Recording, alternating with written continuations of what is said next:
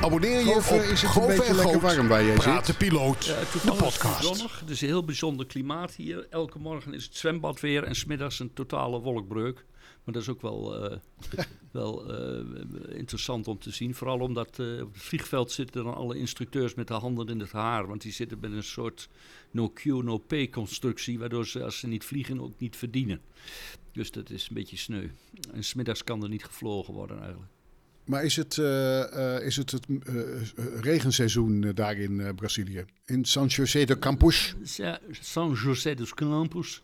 En dat is de thuishaven van Embraer.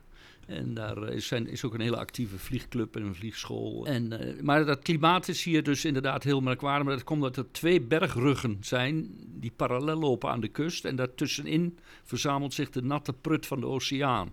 En dat komt elke middag komt dat tot een enorme uitbarsting. Heel indrukwekkend om te zien. Je ziet hier el- drie keer per week een eh, onweersbui, zo erg als het in Nederland één keer per jaar voorkomt, zeg maar. Hey, eh, maar jij bent daar naartoe gevlogen. eh, Natuurlijk geheel vervuld van vliegschaamte, neem ik aan. Eh, valt mee. Ik, ik, ik, maak één à twee echt grote vluchten per jaar, maar binnen, binnen Europa vlieg ik nauwelijks tot niet. Afgezien natuurlijk weer van onze hobbyistische vluchten die we maken. En eh, omdat ik een vreselijke hekel aan, eh, aan, aan vliegen heb eigenlijk, aan airline vliegen. Dus die, die zenuwenbende die bespaar ik op voor die twee keer intercontinentaal. Er moet nu een nachttrein komen naar Barcelona. Hm. Hè, Want Barcelona is dus de meest aangevlogen. Ik weet niet, Vueling heeft vanaf Schiphol, ik geloof, tien vluchten per dag naar Barcelona. Ja. Hallo? Nou ja, misschien. Eh, Transavia 2, eh, KLM 2. het is de ik, meest aangevlogen ik heb wel een verklaring. plek. Ik vroeger, En dat is? eh, verliefde paardjes gingen vroeger naar Parijs. Dat was vast, daar ging je naartoe. En volgens mij is dat vervangen door twee steden in Europa, Praag en Barcelona. Daar ga je hand in hand Ja. over die, eh, over die, die, eh, heet het, die Ramblas wandelen. En in Praag hand in hand over, de, over die Karelbrug. En, dat, eh, en Parijs Ja, is een beetje uit wat dat betreft. Dus volgens mij zijn dat allemaal, ja, zijn dat de beruchte weekendtrip. Is, dat zijn de twee bestemmingen waar je dat, eh, die je daarvoor aanvliegt. Ja. Ja, ja, ja, en dan gaat een nachttrein die er 14 uur over doet niet helpen. Hoewel voor verliefde paardjes is dat natuurlijk weer een prachtige oplossing. Maar ja, vliegschaamte. Er stond een hele leuke strip ergens van eh, de cursus vliegschaamte. Hoe was het ook alweer? Een, een, eh, met een- met zo'n... Cursus vliegschaamte. Nee, nee eh, anti, dat werd op UP werd dat nog even aangehaald. Eh, en die was dan Ja. gesponsord door alle grote airlines. Dus hoe ga ik om met vliegschaamte? Dat, is, dat kan ik me wel iets bij voorstellen. Want het gaat wel een factortje worden, denk ik, in de toekomst. Dat je toch moet verklaren in de kroeg van... ja, ik ben toch maar gaan vliegen en dat soort dingen. Dat, dat sluipt Ja. er langzaam een beetje in. Nou, ik denk wel dat, dat eh, wat jij zegt, dat die wending er gaat komen. Omdat we op de korte afstand. Je ziet in Frankrijk willen ze alle vluchten Ja. binnen Frankrijk eh, verbieden. Want daar hebben ze natuurlijk een prachtig ehm, eh, TGV-netwerk aangelegd. Wat fantastisch werkt. Ja. Japan is het beste voorbeeld van TGV, waar vorig jaar, meen ik, de directeur van Japan Rail zijn excuses heeft aangeboden. Net niet harakiri heeft gepleegd, net niet. Omdat over het hele jaar ehm, de treinen wel één seconde te laat Ja, waren ja, geweest. dat zijn landen. Ja. En ik vind dat ook. Hè? Ik bedoel. Daar kan de NS. ja. En ja, als je, als je dat voor elkaar krijgt, dan, dan gaat het ook werken. Maar het is belachelijk veel duurder. Ik bedoel, het is zo verschrikkelijk veel duurder dan vliegen. En daar moeten ze, daar moeten ze nou eens wat aan Je luistert naar Goof en Groot Praten Piloot. De podcast. Reageren? Graag. Naar goof en groot at De laatste 747 is afgeleverd. Ja. De krokodillentranen leverden een zwembad vol op. Overigens, een prachtig verhaaltje op, eh, op één. Dat kun jij natuurlijk niet zien. Door eh, Paul Rijnen en ehm, Oh ja? eh, Benno Baksteen. Oh, dat hoorde ja, ik, ja. ja, heel leuk. ja. Ja, dat was hartstikke goed. Echt vertel goed. eens dan, wat, wat, hoe En, ging dat? Nou, kijk, daarin, eh, dus, daarin vertelde eh, Benno Baksteen dat de 747 toch tot de ontsluiting van het Ja. luchtruim voor de aanhalingstekens gewone mannen heeft gezorgd. En Ja. dat is natuurlijk een feit. En voor die tijd vlogen we lange afstand met DC-8'en, met die prachtige rooksporen erachter en die onwaarschijnlijke herrie. Ja. En was het vliegen toch wel iets heel bijzonders. Ik zet daar wel tegenover, overigens dat Martinair en Transavia met de DC-6'en toen ook al heel veel aanrichten. Maar dan toch, hè. Ja. Maar die 747 maakte de wereld open voor voor de mensen. En dat, ja, ik, ik kan me dus... En Paul Rijnen die zei, en dat vind ik leukste om te horen... dat het een heerlijk vliegtuig was om te vliegen. Ja, ja, ja. En dat vind ik zo mooi. Je, je ziet dat enorme joekel. Het is toch een, een gigantisch ding en dat vliegt lekker. ja. Dat, dat vind ik zo leuk. Dat nou ben ik zo een keer bijzonder. met eh, Paul Rijnen en Hans Hollink naar eh, Reno, Nevada gevlogen. In de cockpit, 747. Mhm. En dat is inderdaad een prachtige ervaring. En ik zag ook dat die mannen een, ja, een smile van oor tot oor. Echt. En gewoon 12 uur lang. Hartstikke leuk. Ja. Ja, ja, dat is, dat Ik weet niet of andere airliners, dat zal ook wel. Dan zit je niet zo vaak en zo lang in de cockpit. Maar eh, mooi bruggetje trouwens, even naar Corendon. Want ik vind Corendon Ja. altijd een beetje de opvolger hiervan. Want Corendon heeft zoals die laatste eh, Nederlanders, zeg maar de, de- onze allochtone vrienden, het vliegtuig ingeholpen. En eh, ik heb Ja. eens een keer gelezen hoe hij dat gedaan heeft. Heel interessant, die meneer Attila. Dat is dus Attila de Ja. Hun eigenlijk. Die, heeft, die, had Ja, een, ja, ja, ja, ja. die had een shawarmazaak in, in, in Haarlem. En toen is hij over de toonbank is hij tickets gaan verkopen. Omdat hij ook al... Hij had iets MTS luchtvaart gedaan. En toen heeft Ja. hij enorm geluk gehad. Namelijk, toen brak de oorlog in Joegoslavië uit. En toen konden al die Turken met hun volgepakte auto's niet meer naar Turkije rijden. Toen moesten ze wel met het vliegtuig. Daar kwam nog bij dat de levensstandaard in Turkije enorm aan het stijgen was. Waardoor, want ze sleepten dus ook allemaal cassettespelers en magnetronovens en ik weet niet allemaal mee. Maar Ja, dat, ja, had, dat had geen zin meer, want die kon je daar ook krijgen. Dus ze hoefden die auto niet meer en ze wilden die auto en ze konden die auto. En toen is hij als een wilde tickets gaan verkopen. En voor je het wist, was, wat ik me altijd afvroeg is of hij ooit Martin Schreuder ontmoet heeft. Want dat, dat zijn twee heel vergelijkbare figuren eigenlijk. Lijkt me wel, daar zou Ja, een, ja. een dubbel interview moeten doen met die twee. Dat zou heel interessant zijn. Dat zou je. Nou, dat, dat zou ik. eh, eh, Eigenlijk zou ik John Blok daar ook bij willen hebben, maar dit terzijde, maar dat kan niet meer. Dat is eigenlijk een fantastisch idee. Dat zouden we hier Ja, moeten ja, initiëren, ja, deze twee mannen. Ja, het is Eh, ook want, echt een ik sign heb- of the en- en- times dat, dat, dat, zo'n, dat een allochtoon vanuit een shawarmazaak... Want Martin, je weet hoe Martin begonnen is. Die is met sleepreclame op Lelystad begonnen. Dus ook een kleine, kleine jongen eigenlijk die het grote geld heeft uitgevonden. Ja. ja.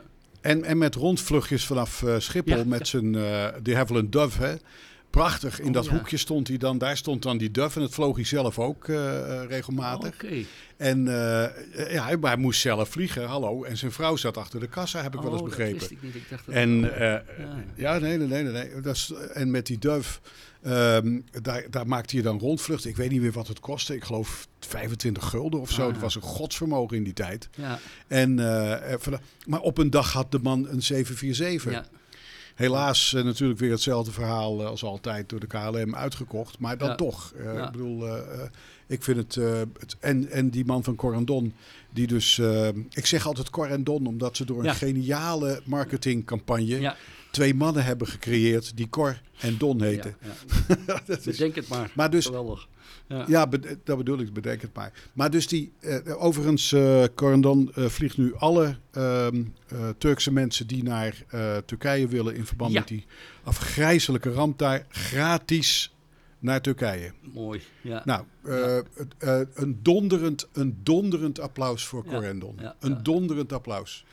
Eh, geweldig. En eh, ik vind dat een hele prettige mentaliteit die daarvan afstroomt. Maar goed, maar dus oké. ehm, hoe kwam je hier nou eigenlijk op? Nou, inderdaad, Want jij het, bruggetje was, het bruggetje was eh, eh, Mies met de Carabis die ook kan gaan vliegen. En toen kwam Corendon. Maar ik had eigenlijk inderdaad gelezen over die eh, gratis hulpverleners. Dat stond op UP. Ik denk Ja. dat, is, eh, dat is ook wel een mooi om even aan te halen. Ja, ik vind dat, ik vind dat groots dat ze, Ja. dat, eh, dat, ze dat doen. Maar hey, dat gaan we toch eens kijken. Ik ga toch eens bellen met, eh, met mensen die, eh, ehm, eh, die eh, het Martin Schreuder kennen.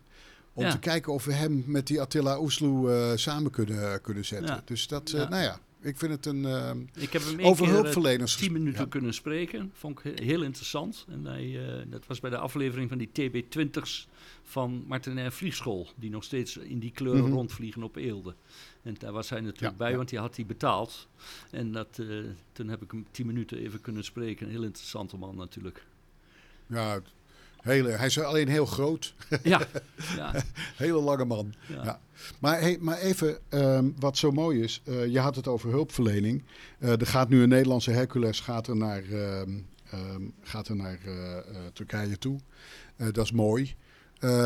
Maar jij zegt Nederland stopt met de Hercules. Hoezo? Nou, die worden gaandeweg vervangen door de C390 hier uit, uit oh, ja. Brazilië. En ik hoorde, uh, ook weer bruggetje, um, die club die op Eelde was met die rare kakelbonte CV27, die deed vroeger Mhm. datzelfde werk met de Hercules, die altijd op Schiphol stond met die grote H op de staart. Die heb ik wel eens zien staan. Oh, Maar die was toen blijkbaar al van hun. En die hebben zij, eh, maar die gingen ze ook uitfaseren, omdat die, ja, de maintenance wordt steeds eh, lastiger en ze konden die 727 voor een zacht prijsje kopen. Dus die Hercules Ja. gaat er ook al uit. Ja, maar die Hercules, ik zag dat die Hercules ook nog in gebruik is op de Filipijnen. Maar dat is een oud model. Ik zag dat het de C130A is. Ah, Ja, logisch dat het onderwerp, dat het onderhoud niks meer is. Want dat is een, een kist uit de jaren 50. ja, ja, dat Dus ja, dat, dan, want kijk, de Hercules zal tot in lengte van jaren blijven vliegen. Want de J-versie, dat is nu de laatste versie, de J Ja, met, die, met die nieuwe propellers. En nieuw, nou, nieuw, nieuw, nieuw. Ik bedoel, die, eh, ja, is ook... eh, en het is natuurlijk een krankzinnig goed ontwerp, Ja. Die, die Oh, wacht C-130. even, dan is dat de Ongelooflijk verklaring. goed. Ik dacht ook al, de Hercules zal toch nog wel even blijven. Want die, daar vliegen er zoveel Ja, van. joh. Ja, nee. Maar die, die, eh, die 727, wat ik over de mooiste Boeing eh, die ze ooit gebouwd hebben Ja. qua model, eh, vind ik echt een prachtmodel. Ehm, die, eh, dat is dus een, eh, een speciale, daar hebben ze dus andere motoren ook opgezet. Ja, ik heb het even daar na hebben ze zitten dus, zoeken. Ehm, je kunt het zien. De twee Ja. buitenste motoren, dus die twee links en rechts van de romp, die zijn, hebben een wat grotere diameter. En dat, dat, dat zijn al Ja. high bypass turbofans. Want Erik Brouwer, Ja. onze vriend, die belde op en die zei... het geluid eh, viel me een beetje mee of tegen. Het was zachter dan ik verwacht had. Hij zat zich te verheugen op een enorme herrie en veel rook en dat soort dingen. Maar dat, was het, maar dat komt omdat er dus twee nieuwere motoren op zitten. En die derde in de Ja. staart, die wordt, eh, die wordt maar... ehm, eh, Geknepen. Geknepen, ja. op de een of andere manier. En, Ja, heb ik ook Nee, even nagevraagd, eh, ze stijgen no- nooit, vrijwel nooit met vol gas op. Alleen maar als ze heel veel van die eh, oliebestrijdende prut aan boord hebben. Heb jij wel een 70? Ja, tuurlijk heb je 727 gevlogen, want die, dat was een van de meest gebruikte vliegtuigen jarenlang. Ik kan het Toch? helaas niet meer zeggen. Ik weet het gewoon niet. Nee, nee ik heb... eh, nee. Heb jij het niet bijgehouden? Nee, ik heb een hele goede vriend, die heeft het tot op de seconde nauwkeurig. Eh, plaats, bestemming, eh, vluchtlengte en type en eh, registratie bijgehouden van al zijn vluchten. Ja, wel Hallo. stinkende spijt van. Maar inderdaad, ik had gewoon alle tickets moeten bewaren. Of weet ik veel. Maar ik heb nooit iets Ja. gedaan. Heel dom. Want ook, ook Ja, niet ja, veel is- bijzonders gevlogen. Heel- ook geen Concorde, helaas. Helaas, helaas. Ja, Heb jij zeker ook niet jammer, gedaan? jammer. Met Nee, nee, nee, nee. Ach, ach, ach, ach, ach. Voorbij. Nee, laatst zag ik nog, eh, ik zag een eh, 747 SP. Oh, ja. Dat waren die korte, weet je. Die Ja, heb ik gevlogen. Dat weet ik zeker. Oh, dat dat ik een keer, ik weet niet waar ik vandaan kwam, naar Amsterdam was Pan American nog. Oh. Pan American Airlines. En eh, die met een 747 SP. Dat ik van, ah, Ja. ik ga binnenkort eh, ga ik ook weer vliegen met TUI. En ik hoop dat het een, een Max, eh, Oh, ja. die- dat ik dan een Max vlieg. Oh ja. Hè, dat, bedoel, al zal ik dan wel tegen die jongens even zeggen, nee, het is Nee. dat knopje als er Even- iets raars gebeurt. Even weer een bruggetje. De, de, zeven- de SP is verkocht aan Japan. Je vertelde net over dat inter, inter-eilandvervoer daar. En ook aan Iran. Iran heeft ook die SP Ja. gehad. Ik weet eigenlijk niet waarom, maar Ja. volgens mij dumpten ze in Iran alles wat ze niet kwijt konden. Want ook de F-14 hebben ze gekocht. Wat één grote rampenbak Ja, is en heel veel. te duur. En de C-5 Galaxy is ook aan Iran verkocht. Dus eh, die, die Aan Shah- Iran? Ja, dat las ik van de week. Maar de, toen is Heeft de, Iran C5's gehad? Nee, want er is Nee, net. joh. De, Oh. de Shah had ze besteld, geloof ik. En de Ayatollahs hebben daar de voet dwars gezet. Maar ze waren wel besteld. Oké. En dat was voor Amerika heel goed geweest. Want die C5 is natuurlijk ook een rampenproject geweest. Met een vleugelligger die begon te scheuren. Dus die hadden heel graag een extra Oh ja. order uit Iran gehad. Maar dat is dus net niet doorgegaan. Maar dat hebben ze dus opgelost nu met de C5M. Ja. En daarmee is dat probleem opgelost. Overigens, dat blijft een mooi verhaal. De 747 was Ja. er niet geweest als er geen vraag was geweest naar wat nu de 7... Moeilijk geformuleerd, maar het komt erop neer. Die C5 is degene die ze gekozen hebben. Omdat, en de 747 was de- dus de- dat bovendek De enige reden voor dat bovendek was om vracht in die kist te Ja, kunnen doen. ja. Neus omhoog, vracht erin. Ja. Dat is waarom de 747, en dat is toen doorgeëvalueerd naar eh, een passagierskist. Maar dat was primair niet de bedoeling toen Nee, ze die nee. begin jaren 60 Maar ontwierpen. En dat is het leuke. Ja. Maar wacht even, dat is het Ja. leuke. Dan gaan mensen roepen, ja, die 737, wacht eventjes. En oh nee, dat, dat eh, Airbus wordt eh, eh, gesubsidieerd door Europa en door... Hallo, Ja. er is geen Amerikaans... Nou, er is, bedoel, laten we even wel bij, maar dit is allemaal gesponsord, aanhalingstekens... doordat ze projecten kregen van, van eh, Defensie eh, Ja, in Amerika. Kom op nou, Ja. zo gesponsord. Dus, Ja, maar het is een ingewikkelde discussie. Maar ik, ik, vind, nee, ik vind toch even een ingewikkelde discussie. Als je bij dezelfde fabriek een militair toestel eh, bestelt, dan is dat natuurlijk goed voor die fabriek. Airbus heeft dat voordeeltje niet, maar die krijgt zijn geld rechtstreeks uit Straatsburg. Als je begrijpt wat ik wil, vind ik toch Ja. een miniem verschil. Ik vind dat anders. Als je, kijk, het is natuurlijk zo dat je de kantinejuffrouw dan kunt verdelen over de militaire tak en de, en de civiele tak. Maar het is nog altijd wel een order waar je hard voor moet, moet vechten. Zeker omdat de competitie altijd in Amerika fors is tussen die fabrieken.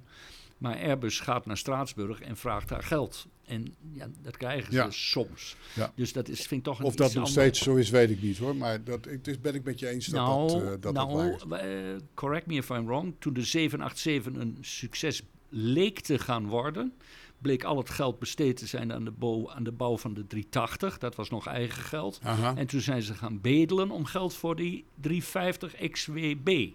Omdat ze vermoeden dat dat... En Ja. daar heeft Boeing nu flink last van met de 78. Dus helemaal eerlijk was Ja, dat niet. Dat vond ik een beetje kinderachtig. Nee, maar eh, laten we daar gewoon maar eventjes Even heel eerlijk over. Het is, terzijde. het is niet eerlijk, het is allemaal politiek. Politiek. Het is allemaal politiek. Ja. En daar kunnen we heerlijk op alles op afschuiven. Wij wel. Maar ik, sta, ik, ik vind het bijzonder, ja precies. Ik vind het zo bijzonder dat die, eh, die Iraniërs, die vliegen nog steeds met die Ja. F-14's. Ja, ja. En die hebben nu ondergrondse vliegbasis. Ja, ja, geweldig. Ja, dag. Ja, niet uitgevonden. Ik geloof daar heel...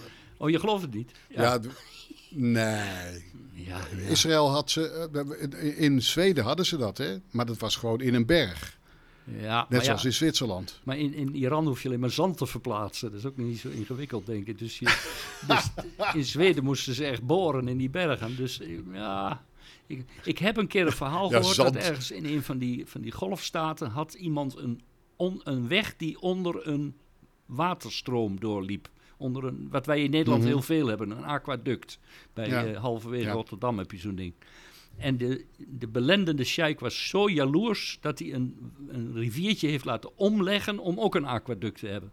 En dat is helemaal niet zo moeilijk daar, want je kunt gewoon graven en dat laten we met zand bedekken. Dus eh, het zou best kunnen. Ik bedoel, eh, opstijgen is een ander verhaal. Ja, oké. Ja, want die- ja. die- je moet een rechte snelweg hebben, hè? Zoals die Zweden eh, daar, en de, de Zwitsers ook. Hè? Die hebben dat, eh, dat. Dat vind ik altijd zulke fantastische plaatjes. Dat je dan een heel mooi weggetje ziet met eh, eh, bergen in de verte. Ja. En dan gaan de slagbomen naar beneden. En dan komt er een, Een- ehm, een. Pilatus PC24 voorbij Ja, taxi ja, op weg naar de fabriek. Heerlijk. In Dus Zweden dat, een eh, Viggen. nee, dat, eh, of een draken. ja, een, eh, Ja, en dat, die, zie je dan, die zie je dan van een snelweg eh, starten. ja. Maar, ik bedoel, maar eventjes het andere bruggetje, Zweden, die dus nog wel, die hebben dan Ikea en ABBA, zoals jij terecht aanhaalt in het schrijven dat ik net van je ontving. Maar die hebben dus wel met Saab een serieuze vliegtuigfabriek. Ik- En daar werd door de Nederlandse luchtwacht redelijk langs de neus naar die Gripen gekeken. Want ja, maar ja, oude technologie. En dat is misschien ook wel waar, maar ze, ze, ze doen, Doen het het toch wel. maar, ja. En met En ze- 10 miljoen man. Ja, Wij zijn met z'n 18 miljoen en we hebben geen vliegtuigindustrie van, van naam. Ja. Hou je van vliegen? Abonneer je op Goof en Goot Praten Piloot. Ik had heel graag gehad dat Fokker was eh, eh, beschermd. En dan had, je, dan had Embraer een serieuze eh, concurrent gehad. Nu heeft Embraer geen serieuze concurrent. Zeker nu Mitsubishi gestopt is met die Spaceliner of die Ja, Spacejet. Ja, ja, nee, daar zitten ze. En dus nu heeft, eh, heeft Embraer het rijk alleen. Dat is niet eerlijk. Ja, ja, en Boeing had dat bijna in de zak, maar die hebben dat weer laten gaan. Dus eh, ja, het is alleen de vraag wanneer... Ja, wat ik zeg is, Ja. het is niet helemaal juist. Airbus heeft natuurlijk die 220. Oh ja, ja, ja die zit Dat is dan wel een alternatief daarvoor. Het mooi vliegtuig overigens ook. Ja, Dus waar naartoe? Hey, over, over, eh, ik begreep dat jij eh, nu binnenkort een afspraak hebt bij, eh, bij Embraer om uh, ervoor te zorgen dat de vervanging van de Gulfstream uh, een uh, Pretor wordt? ja, of, ik, heb, vergis ik, me? ik heb de specs even bekeken. Die zijn wel iets geringer dan die van de Gulfstream. De Gulfstream is 15 man, 8000 kilometer. En zo'n Pretor is 12 man, 7000 kilometer. Maar dat moet toch ook uit kunnen, lijkt me. 12 man, hoe, hoe vaak moet je met 12 man er naartoe? En dat is natuurlijk wel een mooie ja, mee-onderhandeling in de in de vijf halen, zes, betalen, uh, zes halen, vijf betalen met die, met die, met die uh, C390. En dan hebben we meteen een mooie ja. Braziliaanse... Bovendien, die Pretor is natuurlijk ook weer mee te nemen in het uh, onderhoudsschema van de KLM. Want dat zullen wel wat... wat het is geen voortbouwen op de airliners, maar er zullen toch heel veel overeenkomsten zijn. Dus dat, is, dat zou best een leuke zijn. Maar nou begreep ik van iemand nou, dat ja. er een tweede Gulfstream, of dat er gewoon een nieuwe Gulfstream gaat komen, of een nieuwe Nee, er komt een nieuwe Gulfstream, maar dat krijg je weer dat, die sensationalistische gezwets uh, op uh, Twitter met uh, de rampenbak. Oh ja, ja, ja, die, ja. Die, die Gulfstream is al wat ouder en die, uh, die, die loopt wel eens tegen wat probleempjes aan. Wat ja, was dat, dat dat zal zal wel. Iets met de remmen, toch? Ik heb geen idee. Ja, er was iets. Er, was een, er ging een lampje aan, maar ja, er was niks aan de hand. indicatiefout remmen te warm, maar dat bleek niet zo te zijn. Ja, dus. precies. Die waren oververhit. Ja. Ja, André van Duin heeft er heel lang geleden al een oplossing voor gevonden. Die uh, deed de cockpitdeur open en riep tegen de, de passagiers: Weet iemand waar dat rode lampje voor is? Oh ja. Trok de deur weer dicht en kwam een minuut later terug en zegt: Laat maar, ik heb hem eruit gedraaid. Ja, ja dat werkt wel. Ja, ja. Indicatiefout. Dus, dat is het eerste wat je hoort als het lampje gaat branden. Indicatiefout. Ja. Komt en dat wel. is, dat is het vaak ook. Totdat en, je probeert te remmen en er niks gebeurt. Ja, want je hebt ook de vaste kreet, uh, lampjes die vanzelf weer uitgaan, gaan ook vanzelf weer aan. Dus dat is, dat is in de cockpit altijd een beetje een... Uh... Trouwens, tijdens, ja, tijdens wel... die vlucht 747 moet ik ook zeggen, was er een, uh, een, een circuitbreaker, circuitbreaker gepopt, zoals dat heet. En dan gaan ze met zo'n klein telefaxje, nog met zo'n zo'n warmteprintertje, gaan ze naar Amsterdam bellen, wat, uh, wat, uh, wat dat moest. En toen zei de captain, die zei al, we krijgen zo terug, niets aan doen, gewoon zo laten. En verdomd, uh, een minuut later kwam er terug, niets aan doen, gewoon zo laten. Die circuitbreaker was niet belangrijk voor de voortzetting van de vlucht. Dus, ja, het was een, een oventje of er ging een lampje niet meer ja. aan dat toch niet ter zake deed. Of een, ja. een toilet dat niet zo herrie ja. maakt. nou, van de, week, van de week is een vliegtuig van Johan naar Johannesburg KLM-toestel is ja. boven de Middellandse Zee weer omgedraaid omdat er een oventje in brand vloog. Begreep ja. ik. Dat zijn dan toch kleine dingen. Ja. Maar daar maken ze zelfs blijkbaar niet een soort tussenlanding voor. Je zou zeggen, iemand op Fiumicino. Nee, hij zat in de buurt van, van hij zat in de buurt van Nice. En ja. Nice bedoel ik. En, uh, uh, maar besloot toch terug te keren. Dan ja. is het dus een minor een, een klein brandje geweest. Ja. Maar ja, wil je niet dat dat zo blijft? En is de verstandige. Maar het is toch weer twee uur terugvliegen. Ja. Dus zo verschrikkelijke, ontzettende, afschuwelijke emergency was het nou ook weer niet. Nee, nee. Toch? Nee. Dus. Uh, uh, en ik vind dat is dan wel weer. Ach jongens, iedereen valt er. maar maakt noodlanding? Nee. Ja. Brand in vliegtuig? Ja. Voorzorg. Oh, dat zijn al van die. Uh, net zoals dat van die rampenbak van die Gulfstream. Ja. kom op nou toch het is gewoon uh, ja, een, oudere, een oudere kist. Ja. En uh, die wordt veel gebruikt. En ja, die zal dus zo nu en dan een probleempje maar oplopen. In Tsjechië is van de week wel iets gebeurd wat uh, toch wel een onmiddellijke landing noodzakelijk maakt. Heb je het gelezen? Een arend is binnengevlogen in de cockpit. En die, die heeft een arend? Een arend, ja. Een, er stond zelfs een white, white-tailed eagle, dus dat is een speciaal model. En die is naar binnen gevlogen. Heeft de studentpiloot die solo vloog zwaar ver, flink verwond. Want die moest met een ambulance. Is wel in staat wat, geweest het ding te landen. En is, uh, ja, er staat een wat voor kistje was dat dan? En, zo te zien een Cessna, een 172. En die jongen was ja, op ja. een solovlucht, een student. En die heeft hem nog kunnen landen. Maar die, er was één bloederige bende. De foto staat op up. En... Uh, ja, we vergeten wel eens dat die God, dingen toch... zeg. Ja, wat vliegt een 6 naar 95 knopen? is toch 180 km per uur. En Ja. die, dan gaat zo'n arend gaat, eh, dwars door de, door, de, door de ruit. Ja, ik zag laatst een filmpje ook op YouTube waar een, eh, eh, een ja, ik denk een, een zakenkist op short final, dus vlak voor de landing, terwijl, de, terwijl je de, de me- hoogtemeter al hoort roepen 40. Ja. hoor je bang tegen de voorruit en dan hoppa, daar zat een, eh, er zat een vogel. Och. En je zag de, de vliegen, wow, weet Ja, je wel, eh, eh, opschrikken. Maar dat is überhaupt even, daar kom ik zo terug bij. Ik kwam ook een filmpje tegen waarin een, ehm, uh, een 777 en dan op, van Lufthansa en op een bepaald moment zegt... Ehm, uh, hoort, hoor je de, de TICA's hoor je roepen traffic, traffic. En je oh. ziet, er zit een, een co-piloot en die zit heel ontspannen. En de, dat traffic, en je ziet er in, uh, in actie schieten. Paf, paf, paf, paf. Een aantal handelingen achter elkaar. Dan moet je echt eens kijken. En dat is zo knap om te zien hoe hoe die, die geest werkt en zo is ingeregeld op traffic, traffic. Ja. En dan weet van, oh, er zit een kist vlak bij ons. Ja. En ze ging meteen rondkijken. Ze zat meteen en, nou, bleek het uh, een loos alarm te zijn. Mm. Toen zei de captain ook tegen haar, uh, um, great work, thanks. Uh, maar het is prachtig om te zien ah, hoe, de, hoe, de, hoe de mens dan werkt. Maar goed, je zal maar zo'n joekel binnenkrijgen. Ja. Uh, op, Schiphol, op Schiphol hebben ze daar toch een speciaal autootje voor rijden om vogels te verjagen? 15 stuks. Of 15 kerels met oh. drie autootjes, dat weet ik niet. 15, 15, kerels die dat doen, ja. Of meiden, kerels, meiden. En dat is een... Uh, ik las ook dat er zes, per, zes vogelaanvaringen per 10.000 vliegbewegingen. Dus bij de huidige 40.000 per jaar zijn er 25 vogelaanvaringen per jaar. Dat is toch nog wel flink. Ja, ja.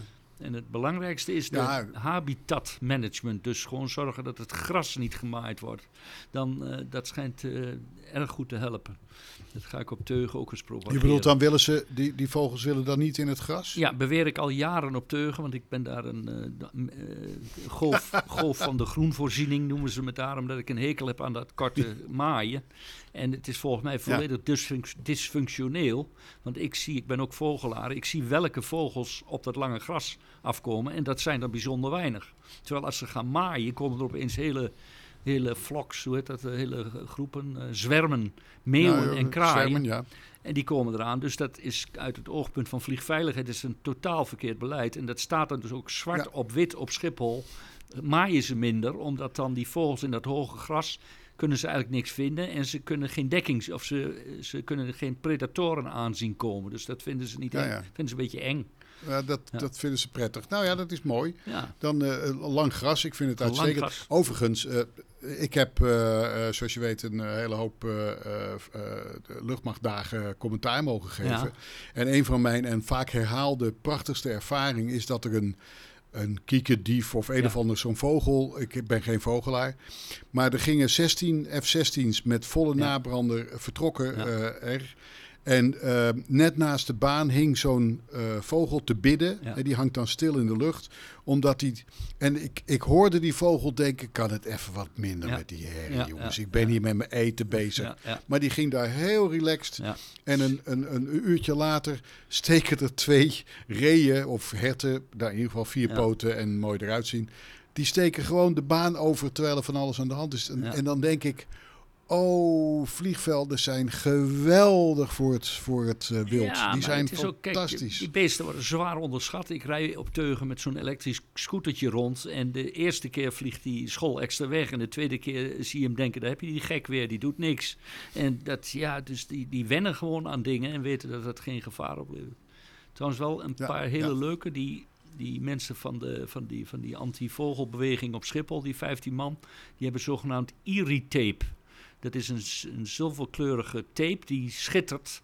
En dat noemen ze dus irritape om die vogels af te schrikken. En ze hebben ook zogenaamde scary mans. Dat zijn vogelverschrikkers. Mannetjes die op een mannetje lijken. En die noemen ze een scary man. Dus ze zetten scary man en irritape in. Maar kijk, wat ze niet doen, en dat vind ik dus goed, is gif. Of op andere manieren. Ze, ze bestrijden op een natuurlijke manier. En dat is ook hun, hun trots. Uh, ik heb wel eens eh, een interview met die mensen. Die zijn daar, daar trots op. En die houden van vogels. En die zijn daar dus heel... Uh, eerlijk is eerlijk. Zoals wij van vliegtuigen houden. Ja, eerlijk is eerlijk. Ze hebben wel ontheffing van een of andere natuurbeschermingswet. Dus ze mogen uiteindelijk in het laatste geval gaan schieten. Als er dus een, zeg maar, een verdwaalde lammergier uit Spanje overkomt en die, heeft, die trekt zich nergens wat van aan, dan mogen ze schieten. Maar dat doen ze met de grootste terughoudendheid die massa's ganzen, ik bedoel, ja. uh, het, het, het wonder van de Hudson, ja. is tenslotte veroorzaakt door, uh, door ganzen. ganzen ja. Grove en Groot praten piloot. Hey, over, uh, over mooie groene velden en dat het best goed doet. Twente, wat is daar nou weer aan de hand? Want wat, wat, voor, wat is het laatste wat jij gehoord hebt? Ik hoor dat de provincie weer aan het kakelen is daarover. Maar ik, ik weet het, ik kan het fijne niet boven water krijgen. Nou, als ik het heel vanaf de zijlijn uh, zou moeten becommentariëren. Twente gaat niet lekker. Alleen het enige wat nog een heel klein beetje lekker draait, dat is die ontmanteling. Dat is die Aircraft End of Life Solutions. Ja. Die ontmantelen dingen. Daarvoor moeten natuurlijk uiteraard heel af en toe een airliner landen. Maar dat mag alleen als hij ook kan omdraaien op zo'n speciale omdraaiplek. En die plek, en dat is officieel verplicht. Als je zo'n ding laat komen, moet je zo'n omdraaiplek hebben. En die kost geloof ik 4 miljoen om die aan te leggen. En dat heeft Twente momenteel ah, niet. Nou, dat is het hele verhaal. Wij zouden zeggen kinderachtig. Dat ding kan ook op de baan draaien. Of hij hoeft alleen maar te landen en naar die sloop te taxiën. Dus dat omdraaien hoeft helemaal niet. Maar goed, dat is volgens de letter van de wet moet die omdraaiplek te zijn. Oh, de letter van de wet. Ik word soms zo moe van de letter van de wet. Hey, even, even terug naar die hele grote vliegtuigen. Uh, Boeing heeft laatst wel gezegd van wij bouwen voor het eind van de eeuw geen nieuwe... nee, voor 2050 beginnen we niet aan nieuwe vliegtuigen. 2030, nou doet er niet toe, voorlopig niet. Eind van het decennium. Van een groot proberen het is goed te zeggen. Maar nu hoor ik toch dat ze geld hebben gekregen van de NASA en van de staat, bijna 500 miljoen, om uh, een nieuwe kist te bouwen. Ja. En een mooie ook. Heb je dat gezien met die hele smalle vleugel? Ja, en een strut. Ja. Ja, ja braced, braced strut. Ja. Uh, het is braced, nou ja, in ieder geval um, een hele mooie smalle vleugel. En dat moet dan weer 30, 40 procent uh, zuiniger zijn, uh, hoop ja, nou uh, weet ik nooit hoe dat werkt. Eh, heeft, heeft NASA al zo'n ontwerp klaar liggen en zegt dan tegen Boeing: bouwen jullie dat? Dat is een ander verhaal dan dat ze zeggen: we willen bepaalde specificaties, bedenk daar een heel vliegtuig bij. Dat, dat weet ik eigenlijk niet. Ik hoe denk, dit, dit ik denk dat laatste. Ja, toch wel. Ja, ik, Denk dat, ik denk dat zij de, de specificatie geven van nou ja, wij willen uh, dat het zoveel bespaart, dat er dat en dat en dat gebeurt. Dus, uh, en dat dan Boeing, die hebben natuurlijk uh, huizen, flats vol met ontwerpers zitten. Ja, ja. Zeggen van stort je er maar op. En het is wat ik zie, zoek het maar op, beste vrienden.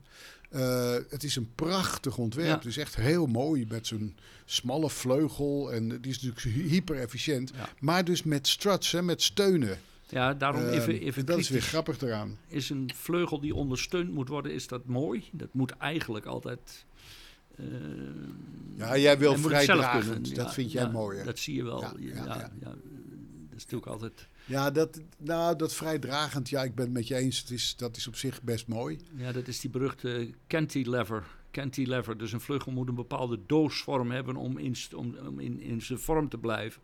Maar met zo'n hele dunne vleugel kan dat niet. En daar heb je de materialen niet voor om dat te doen. Dus moet die ondersteund worden door een op zichzelf ook weer dragende strut. Dus die, die heeft wel enige lift. En als die strut dan ook nog eens een keertje lift levert. Ja, is het op zich niet uh, verkeerd. Laat maar, laat maar zijn. En dan kan dat, dan kun je daardoor een uh, vleugel met een hele kleine koorde, een hele smalle koorde, dus een soort zweefvliegtuigvleugel mm. veroorloven. En daar is de koorde, hè, dus de afstand tussen de voorkant en de achterkant van de vleugel, even simpel uh, gesteld. Ja. Die, dat is, en dat kun je dan uiterst efficiënt met heel weinig weerstand. Ja uh, kun je die laten vliegen. Dus ik denk, nou, doe er dan maar een steuntje onder. Ja. Als dat uh, daardoor goed werkt. Maar je kunt, ook redeneren, je kunt ook redeneren, we zijn onderweg naar de tweedekker. Dat strutje wordt steeds groter, dat wordt een hele vleugel. en dan krijg je weer een verbinding tussen die twee. En voor je het weet heb je eh, de Fokker driedekker. Als die romp maar hoog genoeg is, zou je denken dat die twee luchtstromen, die laminaire stroming langs de boven- en onderkant, elkaar niet beïnvloeden. Dus waarom niet? Dat zou misschien ook wel weer kunnen. dus uh, alleen als ze te dicht bij elkaar zitten, krijg je natuurlijk allerlei wervelingen die je niet wil.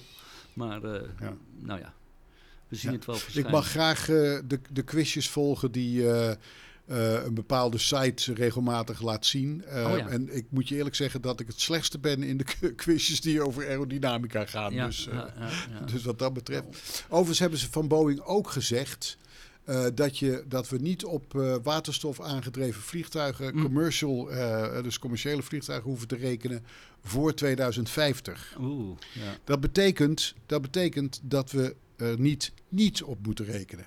Dat betekent dat er dus in het beeld van de, de chef duurzaamheid van, van Boeing dat eh, waterstof een toekomst heet, heeft. Ja, Boeiend. ja. En dat gaat dan, eh Goof, in een vliegtuig met maar één piloot. Oh ja, ja, ja. Een Wat vind jij daarvan?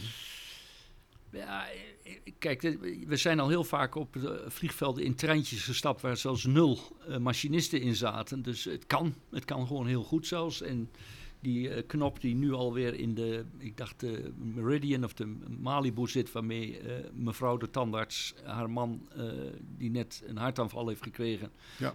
als ze daar drukt, dan, nee, komt er niet uit, maar op die knop En in de Sirius, dan, of in de, ja, ja, in de en dan landt hij uit zichzelf. Ja, waarom dat in een jumbojet niet zou kunnen, dat weet ik ook niet. Of in een airliner. Dat, Heb je dat gehoord over dat systeem, dat Take Me Home of zo heet het, weet ik veel. Eh, en die, ehm, eh, die blijft, die landt dan, remt en blijft op de baan staan. Ja. Zo van, ehm, verder weet ik niks. Eh, Ja. Dat vind ik geweldig. Dat vind ik echt oh ja, zo'n ja. heerlijk detail van zo'n ding. Ja. Dat, maar goed, ja, ik ben het met je eens dat dat kan. Nou, terugkomend op Ehm. dat brandje in de, in de pantry. Dat is gewoon een menselijke beslissing. Die vent voorin heeft gezegd, die meid voorin heeft gezegd... we gaan terug, we landen hier, we gaan door naar Johannesburg. Ja, die is waarschijnlijk ook even naar achteren gelopen... om te kijken hoe ernstig de rookontwikkeling was. Dat kan, ja, die beslissing die kan alleen een mens nemen, zou je zeggen. Dus die, er moet wel iemand aan boord zijn met een soort kijk op de zaak. Ja, dat kan ook Ja. een goed opgeleide eh, allrounder zijn of zelfs een techneut. Die, eh, ik weet heel, een vriend van me die was GWK op Seppen. Maar die moest toen opeens hals over kop BWK op de Airbus 300 worden. Want die had Schreiner aangeschaft. En die waren even vergeten dat er een BWK op moest. En toen zei hij... ja, en toen heeft hij die baan geaccepteerd natuurlijk onmiddellijk. En is intussen captain ergens geworden. Want hij is doorgeschoven via de rechter naar de linkerstoel. Maar hij zei, ik was bijzonder populair bij al die crews... omdat ik gewoon kon zeggen, druk die circuitbreaker maar terug... want dat is niet erg. Die man voegde gewoon een stuk technische kennis toe.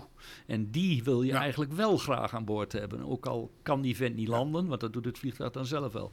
Dus misschien is daar een, een optie om in ieder geval iemand mee te sturen... die heel veel verstand heeft van techniek. En dat is toch net iets anders dan een piloot. Dat was overigens heel grappig in die ehm, discussie in, eh, op, eh, in op 1. Waarin bleek dat een zanger die tegenover Benno en, eh, ehm, Ah, en Paul. Het, eh, ehm, Paul zat.